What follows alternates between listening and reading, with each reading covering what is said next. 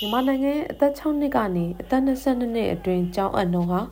2018ခုနှစ်ကနေနိုင်ရှင်ရင်အခု2023ခုနှစ်မှာ73.2ရာခိုင်နှုန်းအထိကျဆင်းလာတယ်လို့ကမ္ဘာ့ဘဏ်ရဲ့စစ်တမ်းမှာဖော်ပြပါဗျ။ကြီးလက်ဒေသတွေမှာတော့18ရာခိုင်နှုန်းကနေ23ရာခိုင်နှုန်းအထိကျဆင်းလာပြီးမြန်မာကျောင်းသားမျိုးဆက်တစ်ခုလုံးပညာသင်ကြားခွင့်ဆုံးရှုံးနိုင်တဲ့အနေအရှိတယ်လို့ကမ္ဘာ့ဘဏ်ကဆိုပါတယ်။ စစ်ကောင်စီလက်အောက်ကပညာရေးကိုယုံကြည်အားထားမှုမရှိတဲ့အတွက်ကျောင်းဆက်မတက်တော့တာလို့အာနာသိမ့်ပြီးတဲ့နောက်ကျောင်းဆက်မတက်ဖြစ်တော့တဲ့ရန်ကုန်မြို့နေတက္ကသိုလ်ကျောင်းသူတယောက်ကပြောပါရယ်။ဒီဟာကနေတိတိယလေးစီပြန်လို့ကြတယ်။အဲကျောင်းလေးတွေမှာလို့ရတယ်။အာကိုတက်နေတဲ့ဘက်ကနေပြီးတော့တပိတ်နောက်တဲ့ CDM လောက်တဲ့အဲတော့တက်နိုင်တဲ့ဘက်ကလောက်တာပေါ့။အဓိကစစ်တောင်ကြီးရဲ့ဆက်ရဲလေးပေါ့ပညာရေးစီးပွားရေးလူမှုရေးဆက်ရဲလေးရတက်သွားအောင်လို့ငါတို့ပေါက်နိုင်တဲ့ဘက်ကပေါ့။ ဒီပါတီစစ်အနာရှင်စနစ်ထုတ်ပြန်အောင်လို့ဒီမိုကရေစီအောင်နိုင်ရေးပြန်ရအောင်လို့ဒါတွေအားလုံးပြန်ရပြီးမှပဲအဖက်ဖက်ကပြီးတော့ပြန်လည်ပြလာရေးလုပ်ရမယ်မြန်မာနိုင်ငံမှာ COVID-19 ဖြစ်ပွားမှုကြောင့်ကျောင်းတွေပိတ်ထားရချိန်ကစပြီးကလေးတွေပညာရေးနဲ့အလန့်ဝေးခဲ့ပြီးဆီယနာသိမ်းပြီးတဲ့နောက်မှာတော့အခြေအနေတွေကပုံမှုဆိုးရွားသွားခဲ့တယ်လို့စကိုင်းတိုင်းခင်ဦးမြို့နယ်ကကလေးမိဘတယောက်ကပြောပါရယ် ပါတယ်ဖွင့်လို့လည်းဒီလိုတန်ကြားခါကြော်တယ်ဒီလိုသူတို့ကလည်းမသိတဲ့ခါဒီရောက်ရကြောက်တဲ့ခါတော့ကားရပါလို့ကွာအင်းနဲ့သူကလည်းဘိုးတော်ကလို့ချိန်တယ်လည်းမသိနိုင်ဘူးလေသူအနာသိမ်းသွားတယ်နေ့တည်းကြာကိုဗစ်ကာလနဲ့သူကလေးတွေဆိုရင်တစ်ခဏကလေးဆိုတော့ဒါကြာရေးမှလုပ်တယ်ဟိုပါတယ်ကျောင်းနေရအောင်ကျောင်းနေရမယ့်ရေလည်းကျောင်းနေရအောင်ဒီပါတွေကလည်းစိုးရိမ်နေရဆိုတော့တော့သင်ဟာဇိုင်းတိုင်းဆိုတဲ့ဟိုပါတယ်ကိုတတ်တဲ့နဲ့ကိုနဲ့မခွာရဲမခွာရဲ ပညာရေးကနောက်ပေါက်ကျနေဆရာပါစစ်ကောင်စီအုပ်ချုပ်မှုအောက်ကပညာသင်ကြားခွင့်ကပြေးဝတဲ့ပညာရေးကိုအကောင့်ထဲဖော်နိုင်မှုမရှိပဲတော်လိုင်းကာလကြာရှည်လာတာနဲ့အတူပညာသင်ကြားခွင့်ရော့ပါလာနိုင်တယ်လို့ငပူရောမြို့နယ်အခြေခံပညာပညာရေးဝန်ထမ်းများအထွေထွေသပိတ်ကော်မတီ BGSC တာဝန်ခံဆရာမင်းတုံညာကပြောပါတယ်အဓိကကတော့ကျွန်တော်တို့ဒီဘာပေါ့နော်စေကောင်စီကနေပြီးတော့ ဒီအုပ်ချုပ်မှုရန်ရာတွေမျိုးစုံနဲ့ကျွန်တော်တို့ဒီပညာရေးကိုအကောင့်ထဲပေါ်ဖို့ဆောင်ရွက်နေတဲ့ပေါ့နော်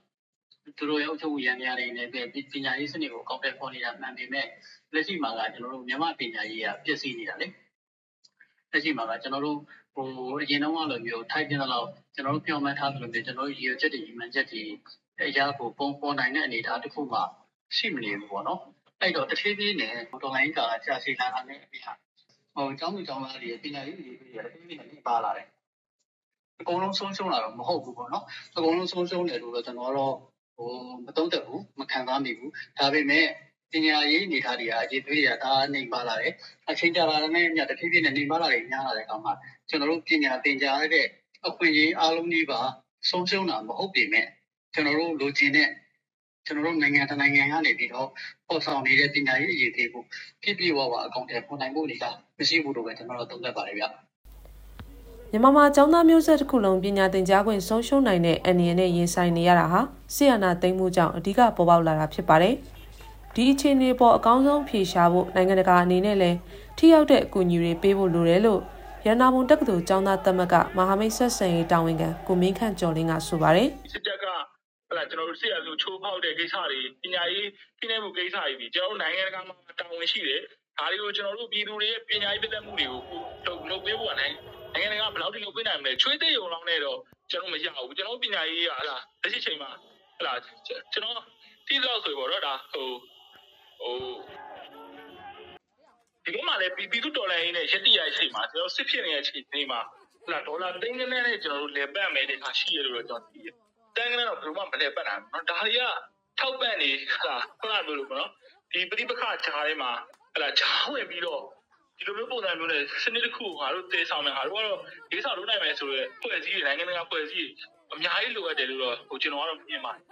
ကမ္ဘာ့ဘဏ်ရဲ့အောက်တိုဘာလ24ရက်ကထုတ်ပြန်တဲ့စစ်တမ်းအရမြန်မာနိုင်ငံရဲ့အသက်6နှစ်ကနေ22နှစ်အတွင်းကျောင်းအပ်နှုန်းဟာ2019ခုနှစ်မှာ69.2ရာခိုင်နှုန်းကနေ 2023ခုနှစ်မှာ56ရာခိုင်နှုန်းအထိကျဆင်းလာတယ်လို့ဆိုပါတယ်။မြန်မာတနိုင်ငံလုံးမှာတရားဝင်စည်းကောက်ယူနိုင်တဲ့အခြေအနေမရှိတာကြောင့်နှစ်တိုင်းကျောင်းသားကျောင်းသူဗန်ယောက်စည်းသွင်းပြီးဗန်ယောက်ကျောင်းတက်နေရဲဆိုတဲ့စည်းရင်အတိအကျရဖို့အခက်အခဲရှိတယ်လို့လည်းကမ္ဘာ့ဘဏ်ကဆိုထားပါတယ်။ကျမဖူးအီနွယ်ပါ။